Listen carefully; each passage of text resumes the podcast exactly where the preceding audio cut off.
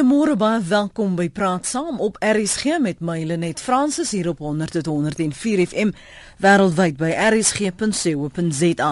Suid-Afrika se drie grootste hospitaalgroepe word daarvan beskuldig dat hulle met administrateurs van mediese skemas saamsweer om die omvang van die medisyne wat gesondheidswerkers aan daardie produkte aan hulle pasiënte kan voorskryf beperk. In voorleggings aan die mededingingskommissie sê die Suid-Afrikaanse Mediese Vereniging wat meer as 7000 dokters verteenwoordig, mediese skema administrateurs kan die pryse opstel wat dokters hef en ook watter soort behandeling in hospitale beskikbaar sal wees. Dit raak natuurlik direk vir jou en vir my. Ons praat vanoggend oor mediese skemas en hulle bedrywighede en vra of meer regulering nodig is. Verstaan ons, dis nou ek en jy, ons verantwoordelikhede as dit by mediese fondse kom. En moet 'n mens 'n lid wees? Is 'n hospitaalplan nie net goed genoeg nie? Ons het twee gaste vanmôre, een in ateljee en later gaan Clayton Samsudin by ons aansluit. Hy is bestuurende direkteur by Genesis EB Solutions. Intussen praat ek met professor Alex van der Heever. Hy is betrokke by maatskaplike en gesondheidssekuriteitsstudies by Wits, dis die Universiteit van Witwatersrand. Goeiemôre prof, baie dankie vir jou tyd. Uh, good morning. En net vir ons luisteraars sê professor van der Heever verstaan Afrikaans, maar hy praat Engels. Ehm um, so as jy saamgesels moenie Engels probeer praat met hom nie. Dit is okay, hy sal verstaan wat jy sê. As hy ongemaklik is of onduidelik is, sal ons dit net vir hom belig. Die agtergrond van hierdie beweringe skep net vir ons hoekom ons by die mededingingskommissie uitkom. Want die Suid-Afrikaanse Mediese Vereniging wat meer as 7000 ehm um, dokters verteenwoordig, sal ons nou nie sommer net hierdie aantuigings maak nie. The Competition Commission uh, process is one uh, which has been initiated really as a as a response to a number of the merger cases that uh, have uh, been sort of considered by the Commission and the Tribunal, uh, the Competition Tribunal. And what they started to find out at those various uh, um, interactions with the industry was was that it was quite difficult to make very narrow decisions on competition matters because many of the issues are so complex that you actually had to have a, a much wider view of the system a, complete and detailed analysis of the full system to be able to to analyze it properly. So the Competition Commission has initiated a market inquiry into the private health system. And really it is to try and unravel what's really going on and when certain uh, uh, when some conduct is problematic and anti-competitive, or whether uh, some of the issues are structural in nature mm. and are problematic purely because they uh, because the, the, the market is structured in a particular way and needs to be restructured. And and where you deal with a structural problem, you potentially need to look at regulation. Is dit die eerste keer wat ons 'n ondersoek van hierdie omvang het? Uh, sorry, just could you Is dit die eerste is dit die eerste keer? Kom ek maak net seker dat jy my duidelik hoor. Stel hom ook net daarso vir my professor. Ehm, um, ons net seker maak jy kan my duidelik hoor. Daar sê. Ehm, um, is dit die eerste keer dat dit die omvang van so 'n ondersoek in Suid-Afrika plaasvind? It's not the first um, market inquiry, but it is certainly the first market inquiry into healthcare. There was previously one into the banking system, but this is the first market inquiry which uses quite extensive powers to be able to collect information. So the legislation was changed uh, a couple of years ago to allow to give the commission subpoena powers mm. in a market inquiry. Um, internationally, this would probably be about the second market inquiry into the into private health systems that have occurred um, in any country. Mm. The other one has recently occurred in the United Kingdom. Die die aantuigings wat hulle maak een daarvan dat dokters mediese skemas half ehm um, saam sweer om sekere produkte teen 'n sekere uh, prys en 'n sekere beskikbaarheid uh, te hê wat dokters dan moet voorskryf aan hulle pasiënte. Kom daardie beweringe van kliënte van pasiënte wat dit gesê het en dat hulle dit daarna verder ondersoek het. It's not necessarily problematic for medical schemes to try and intervene to make sure that the uh, health products as well as the services that are provided um, are contracted in, in, in ways in which they can actually manage and control the costs. Mm. Um, there is a problem in the in the private environment, which has been based on what's often referred to as sort of fee for service payments, where you're um, where in some respects the medical scheme abdicates what the relation stands back from the relationship between the patient and the doctor. Um, that unfortunately makes the medical scheme vulnerable to long-term cost increases as well as to uh, problematic quality of care issues. Mm. But there are also a lot of very perverse arrangements that occur in the system, where, for instance, manufacturers of various medical products, including medicines and um, other products, in, in, particularly in relation to hospitals, where a practice has emerged uh, at various periods in which people are essentially paying the uh, the doctors or in some cases pharmacists in order to d- dispense their particular um, medicine. Now, where you're actually paying an inducement like that to dispense a particular medicine, it means that they're they're no longer objective in what they're giving to the patient. And what then happens is that it allows the manufacturer of that product to increase its price higher than it would have been, hmm. as well as to um, incentivize the uh, um, dispensing and uh, um, prescribing of medicines that are probably not in the best interests of the patient. There purely there's a there's a strong money incentive that's given to um, to essentially give the wrong thing. So it's it's not a problematic area where a medical scheme starts to introduce certain kinds of um, uh, uh, limitations on what uh, doctors do, what they're remunerated for, and to try and do that contractually. Ek dis eintlik maklik dan om dit te manipuleer want jy sal vir 'n pasiënt sê hierdie is die voorkeur of hierdie is die beste of ek ek beveel aan jy moet dit gebruik en onwetend is daar al reeds 'n ooreenkoms in plek. That's correct. So the and in fact in many cases patients are operating on the basis of of simple trust. Yeah. They assume this relationship is fine. But uh, what you will find is that the system is almost addicted to the practice of inducements being paid um, through to people who are, you know, using sort of competition type terms, uh, are, uh, are are able to manufacture demand. by through the doctor. So the doctor, you know, in normal when you go and buy Coca-Cola or you buy a car or you buy a computer, um, you've got a choice whether or not to buy that product. You're making the decision yourself. Regardless of the information you're using, you're making the decision yourself. But in the case of healthcare, a doctor makes a decision for you, so they're actually a proxy consumer. But they're not paying for it, they're benefiting from what you then use. So this the the potential for conflicts of interest are significant. And the problem in South Africa is that the Health Professions Council and various other sort of regulations, the Department of Health, have not um, uh, uh, outlawed conflicts of interest in the system effectively um, at this point. They're trying in some areas, but they haven't Um, it, these practices have been ongoing for a long time, but they have not been systematically eliminated. Where it's when it's a sort of no-brainer that you should remove them. Mm. Ons kan nou, nou verder daaroor gesels veral as ons praat van hoe kan die pasiënt baat indien regulering van daardie aard wel plaasvind. Kom ons gaan na die lyne toe. 0891104553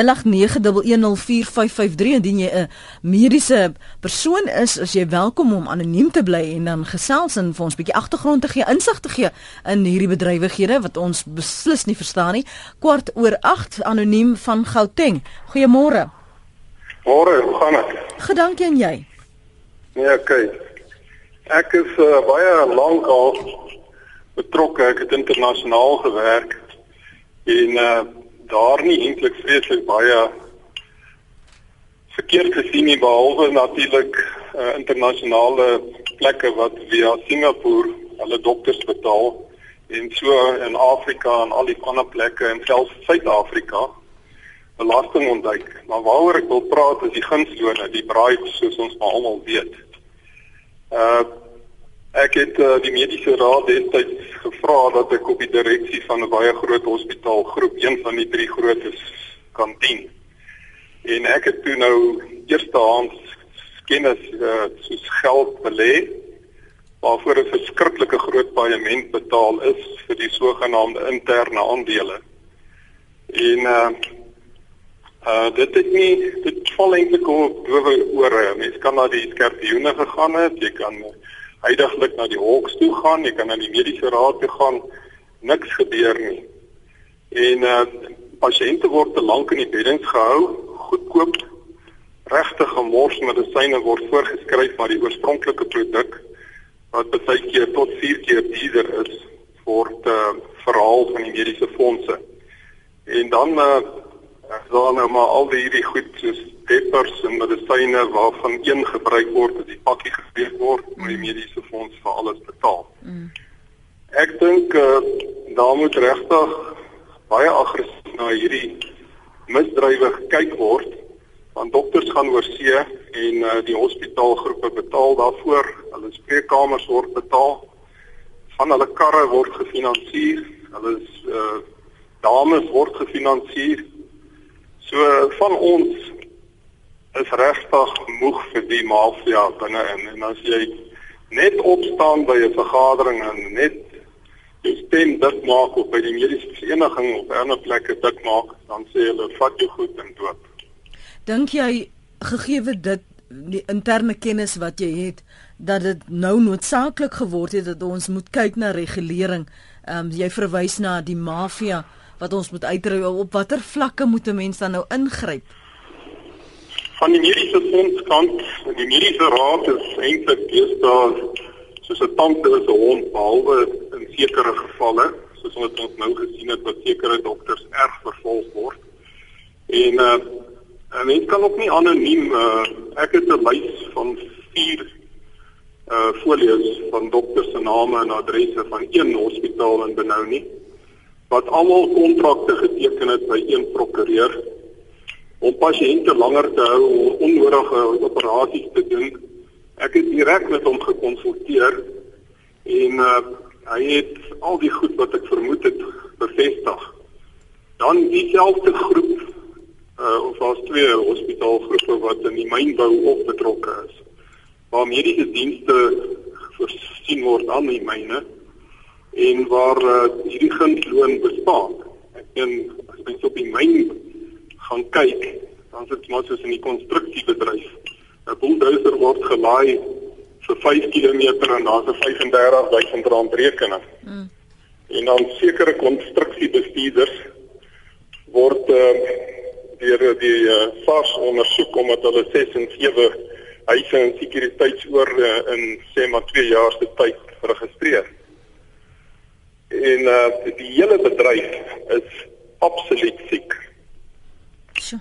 Dankie vir jou oproep. Ek waardeer dit. Dankie ook vir jou openhartigheid. Ons gaan terugkom na die stelling van die hele bedryf wat siek is. Ons ek gaan net vir jou vra oor die gesondheid van ons gesondheidstelsel. Maar hy praat hier van 'n 'n maffia. Is dit so erg? I think it's probably uh, that bad. Uh, I think the one of the problems with the system is that it is allowed these kind of, essentially many groups, hospital groups, um, health professionals have been permitted to to conduct themselves in a way that's improper without much follow up. And he mentioned the Health Professions Council essentially being sort of toothless. The Health Professions Council has, in many cases, reinforced the kinds of provisions that would that would protect um, many problematic practices. So, for instance, doctors can own shares in hospitals. Now, that creates a very fundamental perverse incentive for somebody to admit. But that's not where it ends. The contracts that can be allocated, which involve all sorts of additional sort of um, lollipops, um, uh, which are which can be passively or they could be actively. I mean, there were suggestions in this call that that there are sort of active inducements mm. to keep people longer in bed. Mm. Now, those that is uh, essentially a f- form of fraud because the patient doesn't need to be in hospital. They're not sick enough to be in hospital, and yet they're receiving payment for a p- patient being in hospital. Now, the patient can't um, second guess that. It's quite difficult for the medical scheme to second guess what should what should yeah. occur in that instance. So part of the problem is a conduct related one. Part of it is that the industry um, has become addicted to um, what he referred to as bribes, uh, what I would refer to as kickbacks and that there's a large part of the system in which many medical products and um, and particip- and sort of other aspects of the system, where, wherever a doctor is in a position to to give advice to the patient for further treatment, there is the possibility and risk that a kickback can emerge to uh, incentivize that doctor to either use a product or to be ref- have a patient referred into into hospital when they shouldn't be. So um, I think we've got a lot of a, a, big problem to deal with there. to unravel this because a large part of the system has got very, very used to it, and yeah. it and it is and it essentially needs to be completely rechanged, completely changed. Ek moes dringend in in Januarie maand hospitaal toe gaan. Um en ek onthou die verpleegster toe ek wil sien waarom sekere met ek nou sekere medisyne moes kry. Toe sê sy vir my dis vertroulik. Toe sê ek, "Hoe kan dit vertroulik wees? Jy gee dit vir my. Ek moet toestemming gee." En dit was vir my so interessant hoe die hierdie situasie gemanipuleer kan word want jy is onseker wat hoe erg is jou toestand en jy vertrou hierdie pers, mediese personeel en hulle maak net besluite namens jou en vergeet dat jy het regte as 'n pasiënt om te sê nee en en om te sê ja. Well, you do have actually a number of very specific rights um, in the in the Health Act. Uh, any medical professional must give you full information on uh, on both the medical and the financial implications of any treatment that they're proposing. They can't hide or keep pieces of information confidential. They can't say they've got a commercial purpose behind this. You, uh, uh they, those particular business interests are trumped by your requirement to know because essentially you're in a position of, of immense trust. You need to know and you need to know the risks of what is being done to you. Mm-hmm. Ons praat verder vanoggend ons gesels oor die mediese skemas, hulle bedrywighede of meer regulering nodig is na aanleiding van die Suid-Afrikaanse Mediese Vereniging se ondersoek. Ehm um, dis voorleggings wat aan die mediese mededingingskommissie gedoen is waarin beweer word dat daar drie groot hospitaalgroepe is wat saam sweer oor die soort behandeling wat jy kry uit die produkte wat beskikbaar is wat dokters vir jou kan voorskryf. En dis waar ons vanoggend gesels 089 0891104553 SMS na 3343 elke SMS kos jou R1.50 uh, vergewe my en jy kan ook 'n draai maak op ons webblad rsg.co.za Johannes is in Johannesburg en dan daarna sal ons ander oproepe ook neem. Môre Johannes? Goeiemôre. Uh, ek stem volhartig saam met die persoon wat vroeër gebel het oor die dinge wat aangaan met mediese fondse uh, daar is 'n uh, persoon wat werk by 'n hospitaal. Die persoon behoort nie aan 'n mediese fonds nie. Nou het sy kan ek dit sê stel dit bevriend met 'n geneesheer. Meer dik as vriendskap. Maar dan gaan sy na die dokter toe, kry 'n voorskrif en dit word op die ander pasiënt wat in die hospitaal is, se mediese fonds gereken. En jy het bewyse daarvan. Dis aan my erken. Dis aan jou erken. En ek glo dat daar is nie een persoon in hierdie hele Republiek van Suid-Afrika wat nie weet of wat nie bewus is van SARS, polisie, polisie enige departement wat nie bewus is van enige korrupsie wat daar plaasvind nie. Elkeen weet van iemand wat iets doen wat nie reg is nie. Dankie vir die saamgesels Johannes korrupsie in die mediese bedryf groter as wat ons op die oog af daarna kyk? I think, yeah, uh, I mean, this is a this also is a common practice, but it requires collusion between the patient and the doctor, and um, uh, and, and is uh, and would be straight fraud. I think the certain practices are probably um, more widespread than they should be because they're not followed up very effectively, and they're quite easy to hide. And um, in the case where you've got people who are not on medical scheme but essentially claiming medical scheme benefits, there are a number of ways of dealing with that kind of problem, um, including starting to mandate that people are on a medical scheme so that you don't have people free riding on the system, which that person would explicitly be doing. Um, but I, I, think that the, the, the system, both many medical schemes, medical scheme administrators, as well as the healthcare providers, are need very cl- need sort of quite close scrutiny.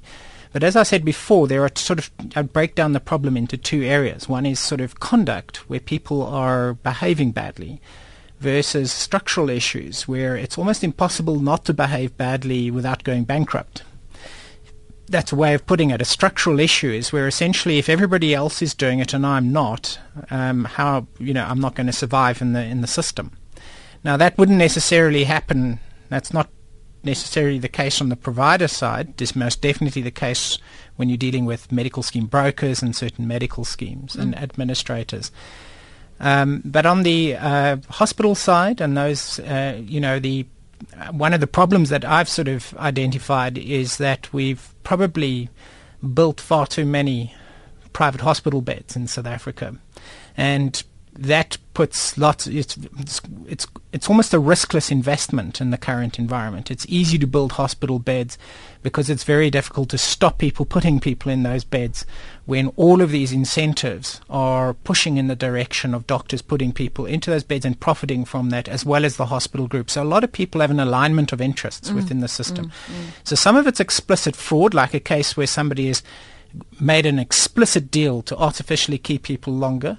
The other is you just have a number of passive incentives where you just happen to benefit from somebody being in hospital longer or using certain kind of hospital-based procedures and you as a doctor are making recommendations. Basically, you, you benefit, the hospital benefits. Um, they don't need to explicitly tell you mm. to have the patient there for that long to benefit. So you've got to deal with both the explicit, which is actually easier, where people have made a corrupt deal, to keep people in hospital longer than they should when they aren't required. That's essentially a form of fraud. And, um, and instances where it's just passive. It's in the mind of the, but everybody knows the whole system has been set up to create those incentives. So dit maak nou eintlik my vraag half sim, simpel klink want ek wil jou vra of mediese fondse 'n leksheid of 'n noodsaaklikheid is. Maar as jy nou sien dat dit 'n manier ook is om geld te maak, dan is dit vir iemand anders albei. Well, it is. Uh, well, certainly, I'd say that medical schemes are a necessity for people, uh, and I think that it's um, it, part of the responsibility going forward in this country is to make sure that medical schemes are run properly, and also that they have an incentive to work for you and not um, for themselves. Uh, particularly the administrators and the managed care companies. There are a lot of businesses operating within the system. And uh, they don't necessarily have to, because it's so difficult, so complicated for members to understand, it's quite easy for people to. Um, to, to, to, stop providing you what what you need and favour themselves. And this can happen with the medical scheme as much as with the provider system, with the hospitals Hospital. and doctors. But I would say that it is an absolute necessity at this point. You don't have coverage and you don't have access to healthcare if you're not on a medical scheme. and you will not be able to afford many procedures on an out-of-pocket basis. Uh, ons uh, anonieme luisteraar sê dit geld nie net vir medisyne nie. Môre anoniem en benoni. Môre. Weet jy, ek werk by 'n mediese industrie wat chirurgiese instrumente gee en ons is by 'n um, internasionale maatskappy. En hierdie met policy verbied ons om enigsins iets te gee. Ek kan nie eers vir 'n suster wat 18 ure lank op dieselfde lys werk 'n koffie vat nie want dit is jou met policy seen as bribery. Ek mag dit nie doen nie. Ons mag nie third party sponsorships doen na 'n kongres toe nie. Mm. Maar daar's ander groot mediese uh, groot companies wat chirurgiese instrumente gee by die ouens se vakansiehuise in Griekeland betaal wat met die um, hoofkantore van hierdie verskillende hospitaalgroepe ehm um, bring uit om hulle produkte op die rak te kry al is hulle produkte inferieur tot mm. ons produk en hy nie dieselfde diens kan lewer nie. Waar ons vier mense in 'n area het, hulle een persoon wat die hele basket van instrumente doen oor 40 hospitale waar ek 15 hospitale het en ons vier verskillende divisies is wat cover vir mekaar. Mm. En kan uithelp as daar 'n krisis is, maar hulle betaal braderies. Hulle doen third party sponsorships wat against hierdie met policy is, maar hulle stuur hulle nie daar nie. Dit klink vir my dis meer kompleks as wat ons net gedink het dis oor kan ek nou 'n generiese pil kry of kan ek nou daai botteltjie medisyne kry? Dit is dit gaan op op alle vlakke. Dis op alle vlakke so en ehm um, as jy mooi vriende is met die matrone en haar uitvat vir ete op haar verjaardag en ehm um, sulke goedjies en haar komplimenteer op haar die eet wat glad nie werk nie, dan um, kry jy ook meer besigheid daaruit. Die ander word net eenvoudig uitgedruk want hulle um, doen nie braaibrenne. Dankie vir die saamgesels. Ek kan nie dink dat die mediese raad, 'n um, mediese vereniging so lank kon wag om 'n ondersoek van hierdie aard te hê nie. Ons het ja, anoniem net gepraat van dokters wat nou vervolg word. Waarom so lank wag? As dit klink aan vir my almal weet van hierdie soort ehm um, bedrog wat plaasvind. Well, it's quite a, it's one of the first of all, the, the, the Competition Commission took uh, a while to do it because it waited for the legislation to come through. You're hearing certain things today from people who are essentially anonymous. Um, to extract information out of the system is very, very difficult. So you think, is any hospital group or any medical scheme going to give you information on their true conduct? So they they have waited until they've got at least the ability to to exercise subpoena powers to be able to extract information, because essentially there is you'd you'd find to a large extent that people keep quiet in official circles about what is going on behind the scenes. So you need to have an a process that can penetrate this issue. But this entire system continues on this basis because of the sort of conspiracy of silence. Mm. This information is not on the surface, and um, most of what happens is behind the scenes. Now, uh, uh, uh, the previous banking inquiry operated without subpoena powers. It probably would have been better with them because I think we still need a banking inquiry. Mm. Um, but that's the reason the commission waited. But what is what has been possible in the past is that there has never been a reason that the Minister of Health could could not have set up a judicial commission of inquiry mm. at various stages to properly investigate this because they are also allocated subpoena powers and they can fully investigate this. Now, it is so well known, anybody who's a doctor, anybody who operates within the system knows how the system has become corrupted and um, and therefore uh, uh, it's it is surprising not that the competition commission didn't do something until now, but that the minister of health, various ministers of health, have not um, addressed this issue in the past. Intussen het uh, nog 'n gas by ons aangesluit, uh, Clayton Samsudin, hy's bestuurende direkteur by Genesis EB Solutions. Môre Clayton, welkom. Goeiemôre Lenet. Ek ek is hier die laaste 20 25 minute katswing geslaan oor al alles wat ek hoor by ons luisteraars oor wat en hoe groot hierdie bedrogspil is. Waarom in jou opinie, jy weet ons nog so ver so lank gewag om indringend te kyk na al hierdie beweringe wat uh, pasiënte maak, wat dokters ook al gemaak het? Wel, eerstens wil net dink ek dat ons uh, on, on, ons moet aanvaar dat ehm um, die nodige wetgewing moet moet eers deur parlement ehm um, en deur die minister goedgekeur word alvorens 'n uh, eh, uh on, ons kan kyk na hierdie tipe van dinge en en ons het nog gesien dat uh, die kompetisiekommissie het wel ehm um, die autoriteit ontvang van die staat om om om hier, om om hierdie ehm um, verder hierna te kyk.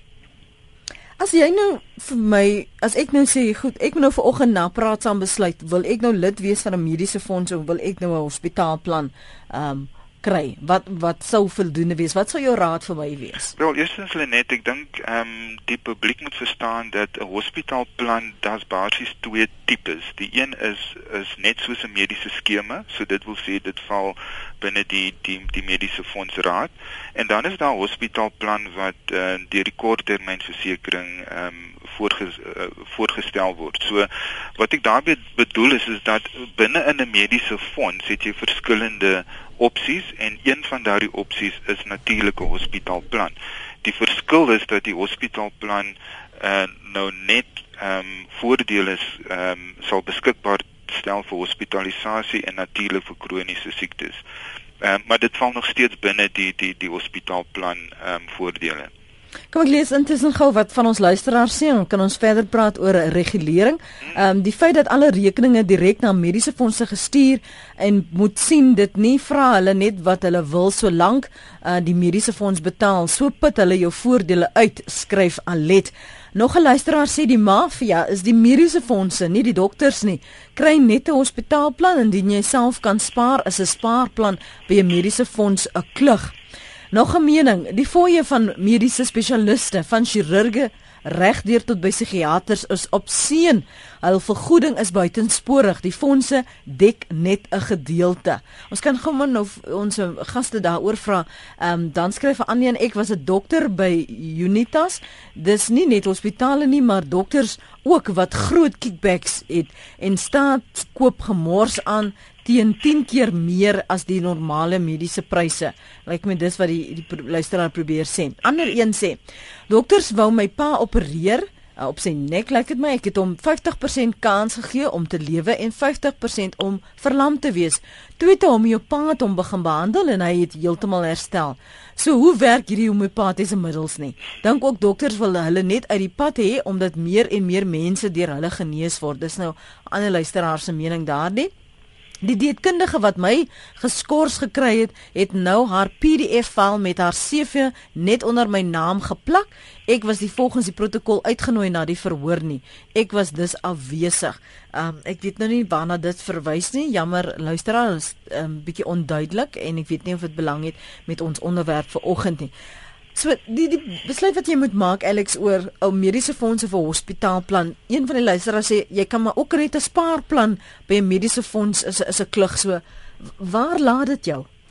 Well, firstly, the uh, regulatory framework requires that medical schemes must offer certain minimum benefits. So you are protected uh, to a degree in that most of your catastrophic cover will be covered. Just to compare that to what are probably some illegal short-term insurance products or products that are probably very dodgy that are offered through, through the short-term insurance environment. There's no protection for you on those particular products. They can also cancel your cover unilaterally. So if you become uh, really sick over time, they can cancel your coverage. Plus, you're not quite sure what's in that protection and whether it covers you properly. Mm. So there's no point in being covered 30% or 50% for your hospitalization because if you've got a 100,000 Rand bill, you'll be paying 50,000 Rand. And that's what a lot of short term products and so called hospital cash plans and things like that will do. Be very, very wary of thinking that is health insurance. It's not. In the case of medical schemes, the prescribed minimum benefit requirements require that the scheme pay in full for anything that's a prescribed minimum benefit, and that will include all catastrophic care, your hospitalizations, maternity cover, um, cancers, a, a, a, large range of chronic conditions. Um, uh, all of those will be will be sort of fully covered without co-payment. Now, uh, there are still, that doesn't mean that schemes, some schemes don't try to circumvent the regulations, and some do it. Some designate the public sector as being where the PMB is available. That's a way of trying to bypass the legislation. O wat hulle vir jou sê jy kan net na so 'n sekere hospitaal in 'n sekere sone gaan. Well, what they're doing is it's fine if they're actually designating a proper private facility, um, but what they do is they just do a blanket designation to the public sector. So it's a public sector facility, and they are not generally available. They're not easily accessible, and you can't be sure that your prescribed and benefit can really be obtained properly in a in a in a in a, in a proper manner from mm. the, from the state services. But what they can do then is when they've done that, then they say when you don't use the state, we can then charge you co-payments and we can start to cut your coverage. So there are a few medical schemes where the regulator has to try and look and take these matters up. But the issue is that um, you, uh, uh, most medical schemes try comply to a greater, you know, a, a, a, significant extent with the prescribed minimum benefit legislation. But what I would say listeners need to check very carefully is to make absolutely sure that their rules of the scheme that they're joining um, make proper provision for the prescribed minimum benefits because you don't want to find out that you have to have a fight with the scheme the moment you have a serious medical condition which is the, ca- the case with a, with a few sort of cut rate schemes. Mm. Um, what I would say about joining a medical scheme is that I think that um, uh, it's I think it's absolutely essential that one's on a medical scheme. In many cases, you can be you can you can Im, uh, influence the governance structure of medical schemes as well. The law allows you to attend the AGMs. You can um, participate in, in electing who is actually part of the board of trustees. Many members just ignore that part of it. You can't do that with a short term insurance product, it's completely corporate owned. Mm. But in a medical scheme, you can. Um, that's not full protection, but and some schemes are more reliable than others. So what I would say is that you just be very wary about the type of scheme that you that you join. Make sure that they conduct themselves in a proper manner, rather than joining the fly-by-night schemes and be very wary that that's what you're into. And sometimes the brokers won't tell you all the truth about the scheme you're joining because in many cases, like where you've got the kickback system for doctors, yeah, well, there is also a legalized kickback system where the brokers are essentially paid by the medical schemes, in some cases under the table by medical scheme administrators to uh, provide improper advice on joining medical certain medical schemes. In other words, they'll advise you to join a medical scheme that isn't in your interests. En as jy nie noodwendig ehm um, die mediese blootstelling gehad het nie of jy het nie die kundigheid of die kennis nie, gaan jy nie ingeligte besluit kan maak nie want jy kan nie vergelykings tref nie. It's very difficult at this point and that's one of the issues at the market inquiry, the competition commission market inquiry has to look at is what information is put to people who are being able to join schemes. I would say that you can't not join a medical scheme. I think you could seriously compromise your your future if you do. With one accident, um, one major medical condition for your child, uh, congenital condition, anybody, and you're ruined. So the issue is to make sure that you're insured. There are regulatory measures to protect you. The short-term insurance products you can't challenge them in the same way that you can through a medical scheme. There's a appeals, there's a complaints process and appeals process through the Council for Medical Schemes, where if somebody doesn't pay your benefits, doesn't pay your prescribed minimum benefits, you can complain and deal with that. And most complaints to the council are about medical schemes not paying the prescribed minimum benefits, and many of those decisions go against the schemes. Mm. So members can protect themselves, but with other kinds of products, you can't. So uh, I think you've, but I think that the, the market inquiry has to look very carefully at how to strengthen the position of the member and the consumer in this environment so that they're able to take more effective action. Mm-hmm. The other issue is that they, they, the medical scheme needs to be put under significant pressure to make sure that it buys the services from the health providers more efficiently than they do at the moment. For some of them, it's easier just to pay a claim and walk away. Administratively, it's easier, and they can just pass on the increased provider costs to you down the line. But essentially, you do need the medical scheme to act on your behalf and become a lot more careful about what they what they pay for. And um, I think much of the cost increases we've seen in the past few years have, have occurred because they're not under that much pressure. Mm. Ek feel veel vra want want na aanleiding van wat um, Uh, Alex hier so sê Clayton, mm. mens kry die indruk dat mense nie eintlik hulle mediese fondse vertrou nie. Dat hulle nie glo dat daardie fonds is daar om hulle te ondersteun of in hulle belang op te tree nie. Uh, die eerste stelling wat ek wil maak, uh, Lenet, is dat eerstens, jy weet ons moet baie waaksaam wees om nie te veralgemeen um, in die industrie en en natuurlik is daar bedrog, natuurlik is daar uh, tussengangers wat um, nie die opregte ehm um, advies vir uh, hulle, lede en en vir die publiek gee nie maar ons weet ook dat jy weet ons ons moet as ehm um, tussengangers ehm um, 'n behoefte ontleding doen uh, wat voorgeskryf is deur die Raad op Finansiële Dienste. En net verlede week het ons gesien dat die Raad van Mediese Skemas het wel die akkreditasie van 'n sekere makelaar ehm um, gekanselleer. So ek wil net net vir die die luisteraars noem dat jy weet daar is die die een of twee of so wat ehm um, wat die, wat nie die opregte advies gee nie maar ons moet ook verstaan en ek dink die lede en, en die publiek moet ook weet dat 3% van die bydrae van die mediese skema se bydrae is ehm um, die kommissie of die fooi wat betaal word aan die makelaar uh, hmm. en en dit is net tot op R71. So al betaal jy R10000 vir jou mediese fonds premie, sal jou makelaar maar net R71 kry. So dis die eerste punt wat ek wil maak. Die tweede is dat ehm um, die die die mediese fonds voordeelskedule is is verskriklik ingewikkeld. Ehm um, en dit wil sê dat dit is verskriklik moeilik vir die die lede om te verstaan presies wat se ehm um, voordele hulle wel het. Mm. En ons daagliks moet ons as tussengangers tussen uh, die spesialiste, die mediese skema, as ook die lid ehm um, moet moet ons werk om 'n oplossing te vind vir die voordele waarvoor die lid kwalifiseer.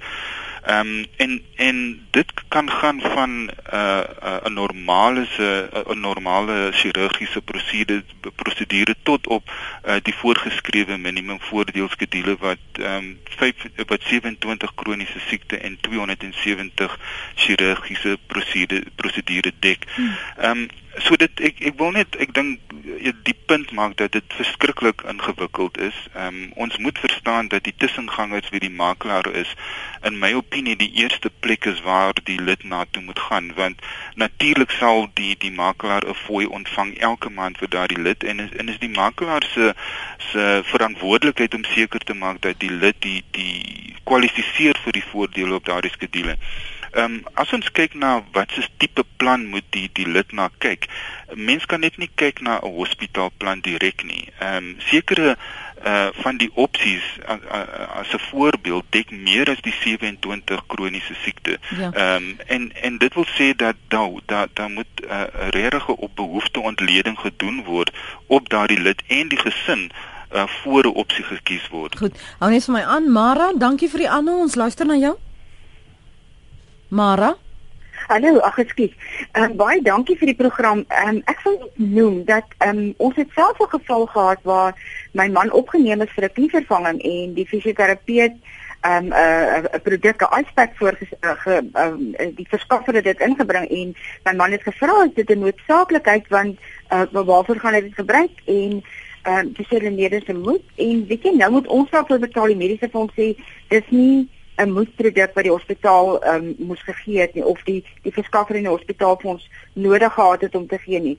So in 'n mate voel ek dat hulle mense uitbuit dat die verskaffer en dalk die dokter saamwerk of die hospitale waar hy 'n uh, voordeel trek deur die aspek fonds voor te geskryf het wat jy eintlik die produk in die hospitaal kan gebruik. Hulle het ook ehm um, uh, aspeks en bottels wat hulle gebruik om 'n om die knie te fout te maak wanneer mm. hy warm is en so. Mm. En so ek ek voel regtig dit dit is 'n goeie uh, gesprek wat julle het vanoggend en dat ons um, daarbey kan baat vind. Baie dankie Mara. Ek ek moet vir jou sê eh, my oë is nog steeds waarheid oop na aanleiding van wat hier vanoggend gesê is. Byna tyd om te groet. Uh, ek het vanoggend op RSG gehoor van die miljoene rande wat aan die klub se oorbetaal is en dat daar nou 'n audit gedoen moet word om te sien wat van al die geld gebeur het. Hoekom kan daar dan nie daardie tipe geld aan staatshospitale oorbetaal word sodat die gewone man op die straat nie mediese versorging in ons hospitale ontvang nie? Dan skryf uh, nog 'n luisteraar nou wonder ek of ek 'n vreemdeling in Jerusalem is, Lenet. Die dokters met wie ek deel stuur altyd 'n afskrif van die rekening wat aan die mediese fonds gestuur is ook aan my, gewoonlik per e-pos, maar sommige van die diensverskaffers stuur e-pos sowel as 'n harde kopie deur 'n landpos. Kan nie help wonder oor die aanklag van sommige luisteraars dat dokters maak net soos hulle wil nie en dat hulle nie rekeninge ontvang nie. Waarom neem hulle dit nie op met die diensverskaffers nie? Mense het tog mos self ook 'n verantwoordelikheid skryf Estel. Uh, ek is 'n diensverskaffer in die privaat sektor, skryf anoniem. Die grootste mediese skema in Suid-Afrika is die mees korrupste. As diensverskaffer word ek gedwing om dienste om sekere maniere te verskaf teen sekere vasgestelde pryse. Nie dit wat noodwendig die beste is vir die pasiënt nie. Indien ek sou weier, stuur die skema die pasiënte na ons praktyk toe nie. Dus die pasiënt het nie werklik 'n keuse na wie hulle toe kan gaan nie en kry ook nie noodwendig die beste behandeling nie, want hulle fonds dwing sekere regulasies af op ons. Die eerste is dat die pasiënt nie eers altyd besef wat gebeur nie. En ek dink dit wat anoniem daar skryf som op my gevoel vir oggend. Ek voel half asof ons uitgelewer is, asof ons maar net moet betaal want dit word vir ons gesê dit is wat nou dit is wat gedek is en dit is nou nie en hierdie produkte is wat jy nou moet kry dat ons nie bemagtig genoeg is elik om ons posisie beter te beding nie. Yeah, I think there are sort of uh, two sides again to look at. One is um, how you should be sort of better empowered as an ordinary consumer and patient in the system. And then there is a second issue, what rules should apply to players to deal with their conduct and to deal with structural aspects of, uh, of, uh, the industry. So one thing that's a no-brainer is there should be no conflicts of interest. So uh, the the issue is should people be allowed to receive kickbacks and um, and what should happen to them if they are found to be receiving kickbacks? Should they be allowed to own shares in uh, in, in the health services? The other side is the, you've heard about the complexity of the of the benefits. Well, there was legislation in 2008 to standardize the basic benefit package that people would see, which means it's a, exactly there's a basic package in medical schemes that's identical across all schemes. It's not the same as the prescribed minimum benefit package of today. It would actually be described as a benefit in a uniform way for every scheme to offer. And that means that where the price varies or the um, any aspect varies, you'd be able to tell very easily. You, you, you wouldn't have to worry about whether something has been sneakily left out. Mm. So the one issue is to look at standardization of the benefit uh, and to make it easier for you as a consumer to choose. The other is there is the advice industry. Now you receive advice from doctors on what to receive. You receive advice from, from brokers on which medical scheme to buy. Um, a point was made about 3% cap on commissions that are being paid, but that's not what happens actually. The, in many cases, there are under the table payments. All sorts of additional fees are paid to induce brokers to switch uh, to, to, to move to particular kinds of products. Mm. And the Financial Advisory and Intermediary Services Act is not sufficient to protect consumers from poor advice mm. because it's only the most egregiously bad advice that is probably pursuable. So there is an issue about dealing with how you deal with the conflicts of interest that exist in the broker fraternity in relation to product suppliers. They're the insurers, the medical scheme administrators, short-term insurers. All of them are potentially problematic. Mm.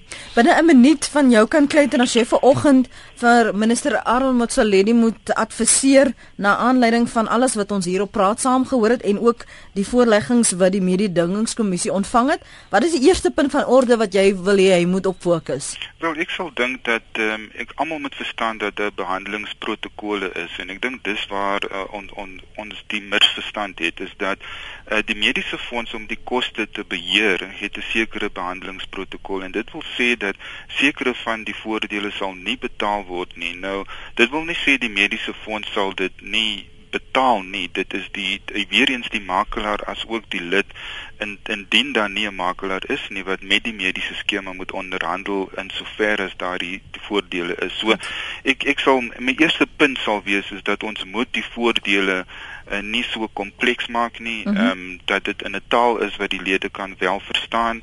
Ehm um, en jy weet ek dink ons ons moet begin saamwerk tussen die mediese skemas, die die diensverskaffers, die makelaars om om seker te maak dat die lede ehm um, 'n beter ondervinding het. Jy weet hierdie ding van uh on, ons wys vinger na mekaar en dan sit die makelaars, dan sit die hospitale, dan sit die lede, dan sit die die raad van mediese ja. skemas. Jy weet ek ek dink nie dit is uh produktief nie. Um, en ons moet almal saam praat vir 'n oplossing vir almal. Inderdaad saam praat en saam werk en die drog uit die, die stelsel kry. Clayton Samson, besturende direkteur by Genesis EB Solutions en professor Alex van der Heever by 'n uh, Witse maatskaplike en gesondheid en sekuriteitsstudies. Baie dankie vir julle tyd vanoggend om praat saam. Dankie.